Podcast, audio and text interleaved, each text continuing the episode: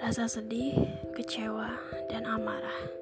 Gue yakin kalian pernah mengalami itu, entah dari soal percintaan, keluarga, bahkan pertemanan, dan mungkin banyak hal lainnya yang membuat tenaga kalian terkuras habis.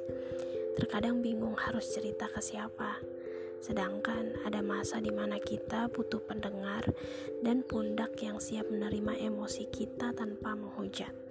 Nah, sekarang bersama gue Wiwin di setiap minggunya di Yuk Cerita, gue akan mengajak seseorang yang ingin membagikan pengalaman hidupnya dan bagaimana dia bisa bangkit dari keterpurukannya. Nah, di Yuk Cerita ini kita akan mengajak kalian bercerita tanpa takut dihakimi.